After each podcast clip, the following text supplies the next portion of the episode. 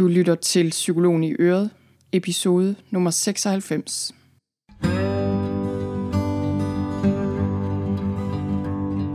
Velkommen til Psykologen i Øret.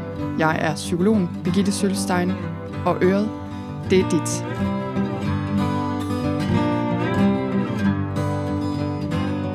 Velkommen til. I dag skal det handle om et begreb, der hedder posttraumatisk vækst. Det er et virkelig interessant begreb. Det er et rigtig vigtigt emne faktisk, men det er også et lidt misforstået begreb, tror jeg. Den her podcast-episode findes også som et blogindlæg. Du kan gå ind og finde det på sølvstein.dk-blog, eller du kan søge ind på min hjemmeside efter posttraumatisk vækst. Og øh, den her episode er den sidste del af en serie af episoder, jeg har lavet, der handler om traumer på forskellige måder. Og når jeg taler om traumer her, så taler jeg om traumer i bred forstand. Så det er ikke kun traumer efter krig eller tortur eller overfald eller den slags sådan mere voldsomme ting. Det er simpelthen alle former for traumer, og øh, vi kommer alle sammen ud for traumer, store eller små, før eller siden i vores liv. Der er ikke nogen af os, der går fri, og derfor så øh, vil jeg også invitere dig til at lytte med i dag, fordi det her emne posttraumatisk vækst, det er sådan et meget almen psykologisk emne, føler jeg. Almen menneskeligt emne, som er rigtig godt at reflektere lidt over. Og det, jeg kommer ind på i dag, det er en historie om en coach, jeg så i fjernsynet på et tidspunkt for nogle år siden, som øh, jeg blev lidt irriteret på, faktisk. Ikke fordi hun var coach, men fordi jeg synes, hun var naiv. Så siger jeg lidt om posttraumatisk vækst som begreb, og at det ikke er noget nyt. Så siger jeg også noget om, hvorfor PTSD og posttraumatisk vækst ikke udelukker hinanden, selvom det skulle man måske tro lige umiddelbart så siger jeg noget om en øvelse, der kan hjælpe dig med at fremme posttraumatisk vækst i dit eget liv. Og jeg beskriver øvelsen her, men hvis du gerne vil lave den og kigge på den sådan lidt mere i dybden, så kan du altså gå ind på det her blogindlæg, som følger med den her episode, og læse dig til, hvordan du gør trin for trin. Og så til sidst i dag vil jeg sige noget om noget, jeg ikke har sagt ret meget om her på podcasten faktisk. Og det handler om øh, og bede om styrke. At nogle gange når vi til steder i livet, hvor vi faktisk har brug for at bede om noget udefra, når vi ikke selv kan. Og det sidste, jeg kommer ind på i dag, det er, at det er vigtigt, at du husker at tænke langsigtet, når du skal komme dig over store og svære ting. Så lad os springe ud i det. Det første, jeg vil fortælle om, det er den her coach, jeg så i fjernsynet for nogle år siden. Og på det her tidspunkt for nogle år siden, der var jeg selv sygemeldt med stress og angst. Og generelt følte jeg bare, at øh, mit liv var ved at falde fra hinanden, at jeg var ved at falde fra mig selv. Og, øh, og jeg sad og så på den her coach i tv-program, og hun skulle sige noget til dem, der var blevet studenter, de her unge mennesker. Og hun sagde noget i retning af, hvad der ikke slår jer ihjel, gør jer stærkere, så det er bare noget med at klø på med krum hals her i livet. Og det var helt sikkert venligt ment, men lige der, hvor jeg var i mit liv, og lige der, hvor jeg sad i min stue, der tænkte jeg bare, det der, det er simpelthen det mest tåbelige, jeg nogensinde har hørt. Og jeg tror, jeg tænkte, enten øh, er hun meget naiv, eller også har hun aldrig nogensinde oplevet sådan at blive, at blive slået sådan rigtig ud af kurs. Og igen, det er ikke fordi hun er coach, jeg blev irriteret på hende, det var simpelthen fordi hun var naiv og, øh, og manglede noget livserfaring, tror jeg. Fordi sandheden er jo, at vi bliver ikke altid stærkere af det, der ikke lige frem slår os ihjel. Det kan godt være, at vi overlever, men nogle gange kan vi jo have den her fornemmelse af, at vi lever, men i en knækket version. Ikke en stærkere version. Det var i hvert fald sådan, jeg havde det på det her tidspunkt af mit liv. Jeg havde været igennem nogle hårde år øh, med et sygt barn blandt andet, andre ting. Øh, jeg havde masser af stress og angst, og jeg vil sige, jeg følte mig fuldstændig færdig faktisk. Ikke specielt stærk lige der. Og der har du måske også været, øh, enten er du der nu, eller også har du været der på et tidspunkt, hvor du bare havde svært ved at se en vej frem, og svært ved at se, hvordan du overhovedet skulle håndtere de ting, du stod med i dit liv, enten på indersiden eller ydersiden. Og øh, jeg tror bare ikke, der er ret mange af os faktisk, der går igennem livet uden at få et alvorligt knæk på et eller andet tidspunkt. Og eksempler på de her alvorlige knæk kan jo være alt muligt, men det kan for eksempel være alvorlig stress, der gør os ud af stand til at arbejde, øh, ud af stand til at fungere i det hele taget. Det kan også være en hård barndom, vi har med os. øh, og måske får det os til at bukke under og drikke selv, for eksempel hvis vi er vokset op med forældre, der drak, og senere giver vi det videre til vores egne børn, og lige pludselig, eller ikke lige pludselig, men efterhånden står vi der, hvor vi bare kan se, at vi har gentaget det her mønster, uden at føle, at vi rigtig kan gøre noget ved det. Det kan også være, at man har været ude for noget voldsomt, at man er blevet voldtaget, overfaldet, og, øh, og fra dag af har rigtig svært ved at stole på andre mennesker, og måske har svært ved at have et forhold til en mand. Og det kan være sådan noget som mobning, som virkelig, virkelig kan være en svær ting at, øh, at komme igennem. Så kan det være økonomisk ruin. Det er noget, der også kan sende os ud over kanten, både økonomisk, men altså også menneskeligt, og noget, vi kan have svært ved at rejse os fra igen. Eller også kan det være, at vi simpelthen bare har det skidt. Ikke at vi nødvendigvis lige kan pege på, hvor det kommer fra, men at, men at vi har det skidt og har rigtig, rigtig svært ved at få livet til at fungere. Så jeg sad på min sofa og var ikke specielt imponeret over den her coach lige der. Men når jeg tænker over det, så er sandheden jo, at det kunne måske lige så godt have været mig, der havde sagt det der, hvis jeg havde spolet nogle år tilbage i mit eget liv, hvor jeg var lidt yngre som ny psykolog, øh, ikke havde fået børn endnu, ikke rigtig følt, at livet sådan for alvor havde væltet mig omkuld. Altså på det tidspunkt, der havde jeg det nok også sådan, at øh, jamen de ting, jeg havde haft at kæmpe med, dem var jeg kommet godt videre fra på en eller anden måde.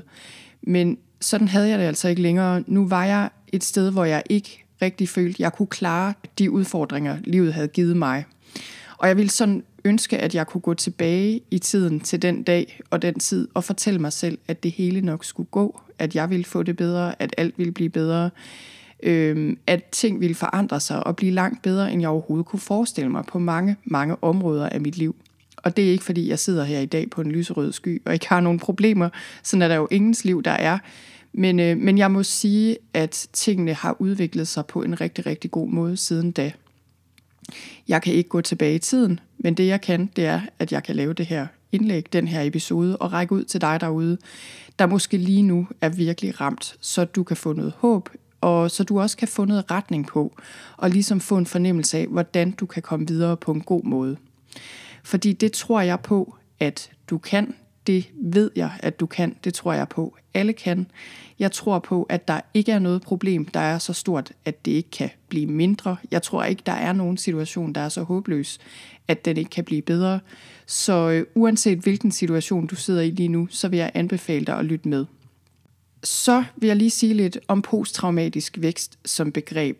Så det her begreb posttraumatisk vækst, det er rimelig nyt. Det er blevet formuleret i 90'erne af et par forskere, der hed Tedeschi og Calhoun. Og det, det henviser til, det er positiv psykologisk forandring som følge af meget udfordrende livsomstændigheder. Og de her positive forandringer kan jo være alle mulige, men det kan øh, og er tit bedre relationer, mere givende relationer, både nære relationer og mere bredt, at man har det bedre øh, og måske har mere fællesskab i sit liv. Større tilfredshed med livet generelt, større taknemmelighed, større glæde, større følelsesmæssig robusthed, og det kan også være nye muligheder. Arbejdsmæssigt, økonomisk øh, forbedring, det kan være forbedring på alle mulige fronter. Og noget mange også siger, er, at øh, man har en større åndelig bevidsthed, en større bevidsthed i det hele taget, og den her fornemmelse af at have kontakt til noget større. Så på en måde er det her begreb jo rimelig nyt. På den anden side er den her idé om, at vi kan udvikle os efter kriser og traumer, jo på ingen måde ny. Det har man jo altid, altid, altid vidst, at det kunne vi i litteraturen, i myter, alle steder har vi beskrevet de her øh, rejser, vi kan komme på som mennesker, hvor vi tager store udfordringer op, gennemgår store traumer, for i sidste ende at blive bedre mennesker. Og øh, en rigtig god bog, som jeg virkelig kan anbefale, øh, som handler om det her på mange måder, det er The Hero's Journey af Joseph Campbell. Han var mytolog, tror jeg, eller professor i litteratur, eller et eller andet i den stil. Men i hvert fald så beskæftigede han sig med, øh, med den her sådan underliggende fortælling, der går igen i rigtig, rigtig mange af de fortællinger, vi har. Og det er øh, The Hero's Journey, heltens rejse, at helten får en udfordring, og når han ellers vælger at tage den her udfordring op, så vil han komme på en rejse, hvor han gennemgår rigtig svære perioder, Campbell taler blandt andet om The Dark Night of the Soul, men til sidst kommer helten ud på den anden side som et nyt og et bedre, øh, og på en måde et stærkere menneske. Så man har altid været optaget af det her. Vi har altid fortalt historier om det her, og også i psykologien og filosofien der, øh, der har vi altid været optaget af det her. Og i psykologien, der har vi mange begreber, der, der beskriver det her. For eksempel sådan noget som resiliens, robusthed, som er meget op i tiden. Der er også et begreb, der hedder self-efficacy. Der er et andet begreb, der hedder sense of coherence, som er meget vigtigt og meget beslægtet med posttraumatisk vækst man kan sige, at det, der er specielt ved lige præcis det her begreb posttraumatisk vækst, det er, at man har udviklet skalaer, så man prøver at måle posttraumatisk vækst, så man kan forske mere systematisk i det. Det kan for eksempel være på tværs af kulturer, øh, men det kan også være i kølvandet på katastrofer. For eksempel har man forsket i posttraumatisk vækst efter øh, det bombeattentat, der var i Norge for nogle år siden, efter massakren på Utøya, og også alle mulige andre større katastrofer. Og der findes selvfølgelig kritik af det her begreb. Det er noget, man diskuterer meget frem og tilbage. Kan man overhovedet måle det? Skal man overhovedet måle det? Hvordan gør man? Og så videre. Men det, jeg gerne vil her, det er, øh, jeg er ikke så optaget af, om man lige kan måle posttraumatisk vækst eller ej, eller hvordan man måler det. Jeg er mere optaget af det faktum, at vi kan blive stærkere af modgang. Og som sagt, det jeg gerne vil gøre her, det er, at jeg vil give dig en enkelt øvelse, der hjælper dig med at komme i den retning. Men inden da, så lad mig lige sige lidt om PTSD og posttraumatisk vækst. Fordi de to ting udelukker ikke hinanden, selvom det skulle man måske tro. Og jeg føler, at det er meget vigtigt at have en nuanceret forståelse af, hvad øh, posttraumatisk vækst vil sige. Og ligesom have en nuanceret forståelse af, hvad det vil sige at gennemgå alvorlige traumer, alvorlige tab, store kriser. Så øh, det er sådan, at vi kan sagtens have symptomer på PTSD, altså posttraumatisk stressforstyrrelse, og kæmpe med symptomer, som er meget ubehagelige. Og samtidig med kan vi øh, overordnet set føle, at vores liv er godt, og at vi har udviklet os i en god retning. Og min erfaring er, at det tit er sådan, det er, om man så lige har PTSD eller ej. Det er der måske ikke så mange, der har. Men, øh, men vi kan have de her ubehagelige følger efter kriser. Det kan være, at vi har en sorg, vi bærer med os, øh, angst, vi bærer med os, som ikke bare sådan lige går over. Min erfaring er, at når vi udvikler os som mennesker efter store, alvorlige ting, så øh, ser det meget sjældent ud som på en amerikansk film, hvor alt bare falder på plads, og hvor vi springer ud som en ny og forbedret version af os selv, og aldrig ser os tilbage. Øh, det, det synes jeg ikke rigtig stemmer overens med virkeligheden særlig meget. Det er mere noget med, at vi gennemlever de her alvorlige ting. Det har på den ene side nogle konsekvenser for vores liv. Det kan være, at vi har mistet nogen, vi holdt af, og det kan også bare være, at vi har ar på krop og sind, som vi bærer med os. Men på den anden side betyder det også, øh, at vi kommer i retning af et liv, der er mere berigende, det kan der være forskellige årsager til, blandt andet måske fordi vi øh, dyrker vores relationer mere, og i det hele taget lever et liv, der er mere i overensstemmelse med vores værdier, med vigtige værdier, og sætter pris på livet på en ny måde. Så kunne man spørge sig selv om øh, det her med posttraumatisk vækst, og have evnen til at, at komme godt videre efter traumer, om det ikke bare er et spørgsmål om personlighed. Øh, måske tænker du, at jamen, det er jo bare noget, man er født med at kunne. Enten kan man, eller også så kan man ikke. Og måske tænker du, jamen i mit tilfælde, der, der er jeg simpelthen bare ikke stærk nok, eller jeg har ikke en personlighed, øh, der egner sig til at komme igennem de her ting. Og der er jo ingen tvivl om, at vi alle sammen er udstyret med en personlighed, med karaktertræk, og også netværk og sociale ressourcer, øh, økonomiske ressourcer for den sags skyld, der gør det nemmere at komme stærkt ud af traumer. Så der er jo ingen tvivl om, at der er ting, vi har med os. Men der er heller ingen tvivl om, at vi kan alle sammen udvikle nye træk. Øh, vi kan forstærke de træk og de evner, der gør os i stand til at håndtere og vokse af kriser. Det er der mange undersøgelser, der øh, tyder på. Jeg har linket til nogle af dem inde i blogindlægget. Jeg har også selv mødt mange, mange mennesker, inklusiv mig selv, der er kommet godt videre efter traumer eller kriser, Øhm, jeg kan nævne et par eksempler her. For eksempel en kvinde, jeg kender eller har kendt, hun øh, havde en mand, der begyndte at drikke på et tidspunkt. Han drak rigtig meget. Til sidst måtte hun flytte fra ham, og det endte med, at han drak sig ihjel på gaden i løbet af nogle år. Det var svært, svært, svært, men over tid så fik hun hjælp til at håndtere den sorg øh, og de ting, det indebar. Og i dag har hun det godt. Hun har en ny mand, stor familie, børn og børnebørn, og har et rigtig, rigtig godt liv. Og det, øh, det kunne sagtens have set helt anderledes ud. En anden, jeg kommer til at tænke på, er en mand, øh, jeg var i kontakt med for nogle år siden. Han mistede alt i finanskrisen og fik også et sagsanlæg på halsen, kom ud af det med stor, stor gæld, mistede sit hus, mistede sin kone, sit ægteskab, og havde det elendigt i lang tid, men er et helt, helt andet sted i dag, hvor han elsker sit liv, ved jeg, også selvom han stadig har gæld faktisk. Og han lever øh, efter helt andre værdier, end han gjorde tidligere. Han er rigtig glad for sit arbejde, har et godt forhold til de børn, han har, de er store nu. Og jeg er sikker på, at hvis man spørger ham, vil han også sige, at han er kommet godt videre efter det her traume, men selvfølgelig har det taget tid.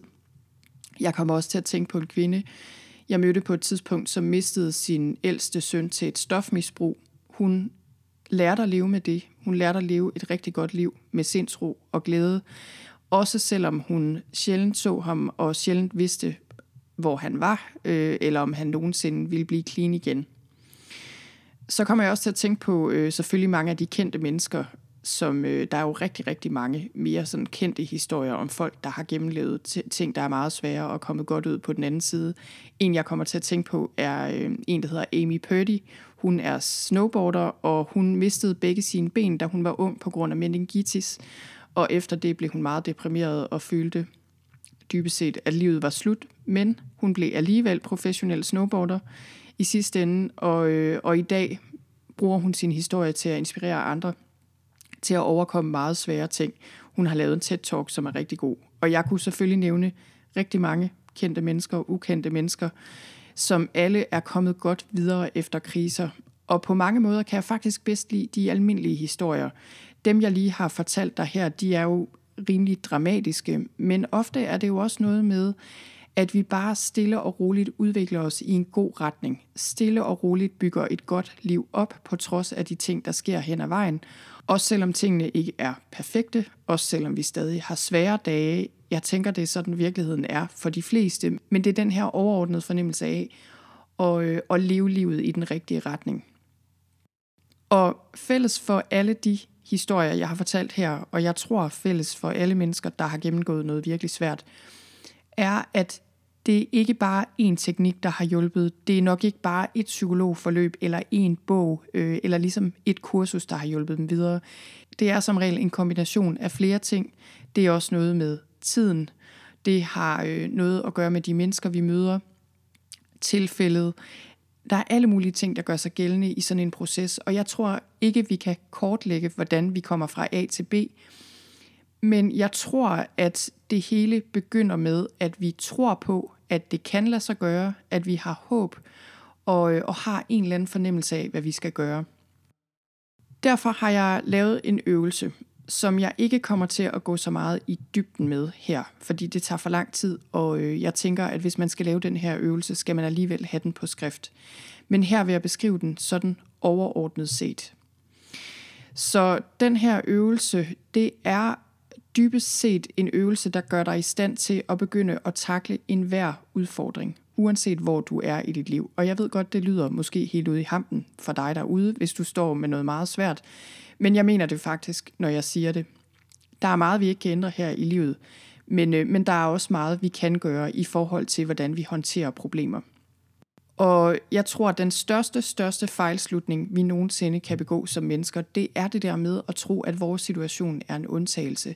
At du på en eller anden måde er en undtagelse, og at det, jeg siger her, det gælder ikke for dig, fordi øh, du ikke har de her de ressourcer tilgængelige, eller fordi du ikke har penge nok, eller fordi du ikke kender de rigtige mennesker, eller ikke har selvdisciplin nok, eller hvad det nu er, du fortæller dig selv, du ikke har. Det håber jeg, at du vil droppe på stedet, fordi det er en fejlslutning. Du er ikke en undtagelse. Du har de ressourcer, der skal til. Der er ingen situation, der er så håbløs, at den ikke kan forbedres, som sagt. Så den første del af den her øvelse handler simpelthen om at sætte ord på din udfordring. Så jeg tænker, mange af os har det sådan, at vi kæmper med svære ting, men vi har måske ikke sådan helt udspecificeret, okay, præcis, hvad er det, jeg kæmper med? Hvad er det, jeg har at gøre med? Så det du skal i den første del af den her øvelse, det er simpelthen at sætte ord på din udfordring. Og de mest, eller nogle af de mest almindelige udfordringer, mange af os kæmper med, det kan være at håndtere sorg efter tab, øh, eller efter en skilsmisse kan det også være. Det kan være øh, et barns sygdom, et barns handicap, børns problemer på en eller anden måde. Det kan være at komme ud af depression, det kan være at komme ud af angst, komme ud af stress, det kan være at leve med kroniske smerter, det kan være at få et job efter længere tids arbejdsløshed, det kan være at blive gældfri, det kan være øh, at komme til at kunne lide dig selv præcis som du er.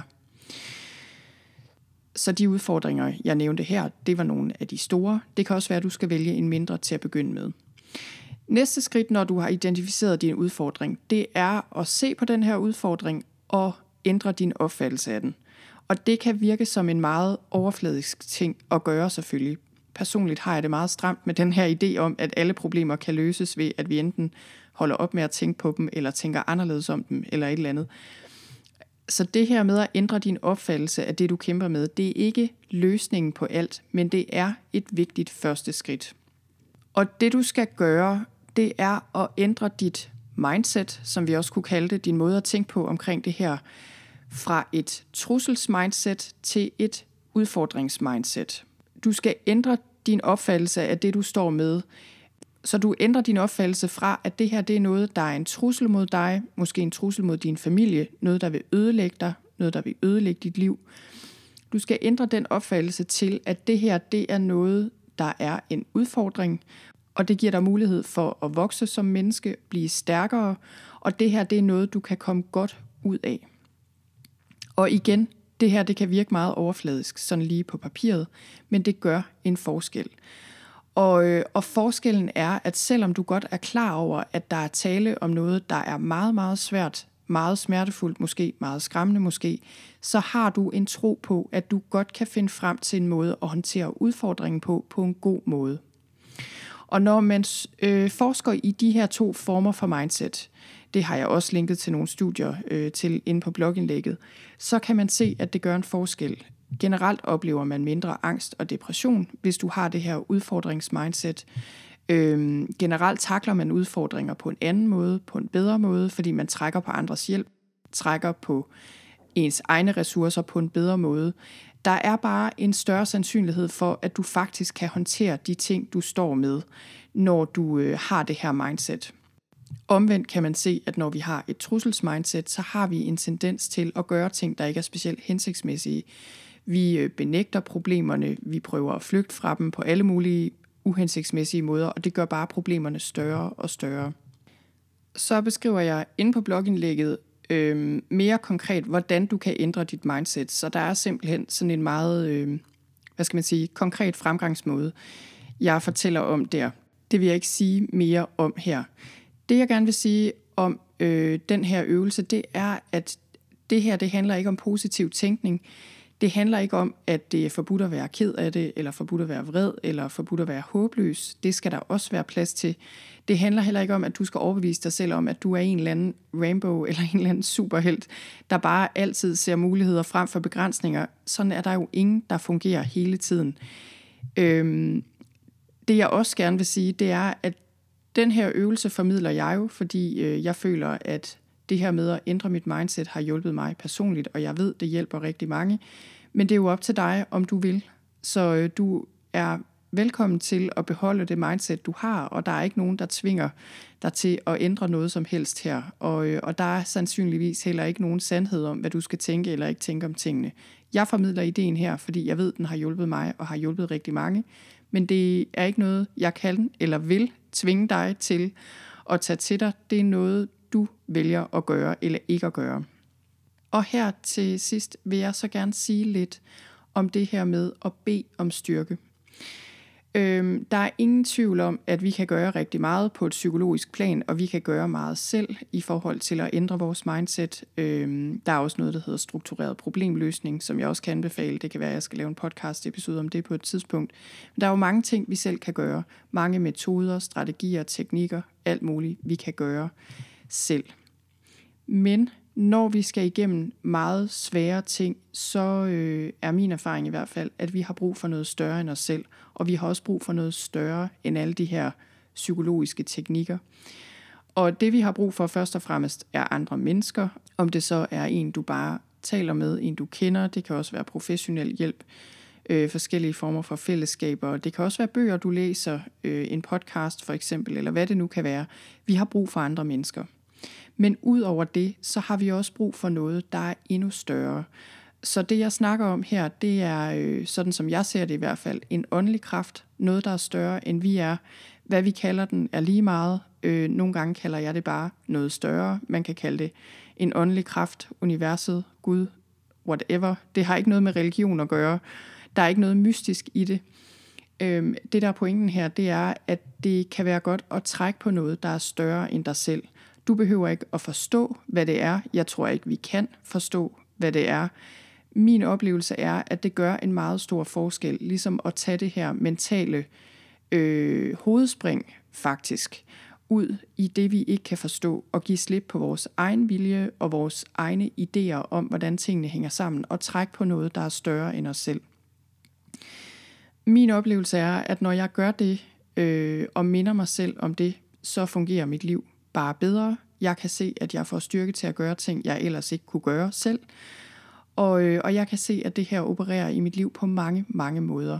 Og det kan være, at du, øh, at du tænker, jamen okay, hvad skal jeg bede om? Og øh, jeg ved ikke, om der er én ting, man skal bede om, men jeg kan i hvert fald sige, hvad der hjælper mig. Hvad der hjælper mig er at, øh, at sige sindsrobønnen, det gør jeg på daglig basis, eller det prøver jeg i hvert fald at gøre på daglig basis. Det er så noget med, at jeg falder lidt ind og ud af rutinen. Men sindsrobønden er, giv mig sindsro til at acceptere de ting, jeg ikke kan ændre, mod til at ændre de ting, jeg kan, og visdom til at se forskellen. Den har jeg også inde på min blog et sted. Man kan søge på sindsrobønnen på min hjemmeside, så kommer den frem. Men øh, det der er med den her sindsrobøn, det er, at, øh, at det vi minder os selv om, det er, at øh, vi giver slip på vores egen vilje, og øh, i det omfang, vi kan det, i det omfang, vi ligesom kan se vores liv i øjnene, give slip på vores egne idéer om, hvordan tingene burde have været, og bare se virkeligheden i øjnene, og få sorteret i, okay, hvad kan jeg ændre, hvad kan jeg ikke ændre, og så bede om styrken og modet til at ændre de ting, vi kan se, vi faktisk godt kan gøre noget ved. Det gør en forskel. Og det kan være, at du lige nu lytter med og tænker, hvad snakker hun om? Nu bliver det lidt for mystisk. Fred være med det. det. Øh, det forstår jeg sådan set godt. Det er meget svært at sætte ord på de her ting, og det er heller ikke så tit, jeg gør det. Men, øh, men det valgte jeg at gøre i dag, fordi jeg synes, det er en helt, helt essentiel del af processen, når vi kommer ud i meget svære ting. Og her til allersidst, så vil jeg lige minde om, at posttraumatisk vækst, og det her med at få det bedre, øh, og komme videre, komme godt videre efter svære, svære ting, det er en langsom proces som regel. Det er sjældent noget, man bare lige fikser, og ofte er det to skridt frem og et tilbage. Øhm, og nogle gange er det også noget med at få taget nogle meget, meget svære beslutninger, som kan gøre ondt på kort sigt, men som på lang sigt viser sig at være rigtig, rigtig gode beslutninger. Jeg tænker også, at den her proces med posttraumatisk vækst øh, er noget med, at vi tit er forvirret og usikre, øh, føler, at alt er håbløst, føler os fuldstændig lost, føler os fuldstændig overvældet. Det er også en del af processen. Og den regel, der gælder over alle regler, og det er derfor, jeg nævner den til sidst, er, det er aldrig for sent. Uanset hvor du er i dit liv, uanset hvad du er op imod, uanset hvor mange fejl du har begået indtil videre, så er det aldrig for sent. Så jeg håber, du fik noget ud af at lytte til den her episode, der handlede om posttraumatisk vækst. Som sagt, så kan du finde blogindlægget, der hører til den her episode, inde på min blog, og der finder du også alle de andre øh, episoder og blogindlæg, der også handler om traumer på forskellige måder. Så er der kun tilbage at sige tusind tak, fordi du lyttede med. Vi høres ved.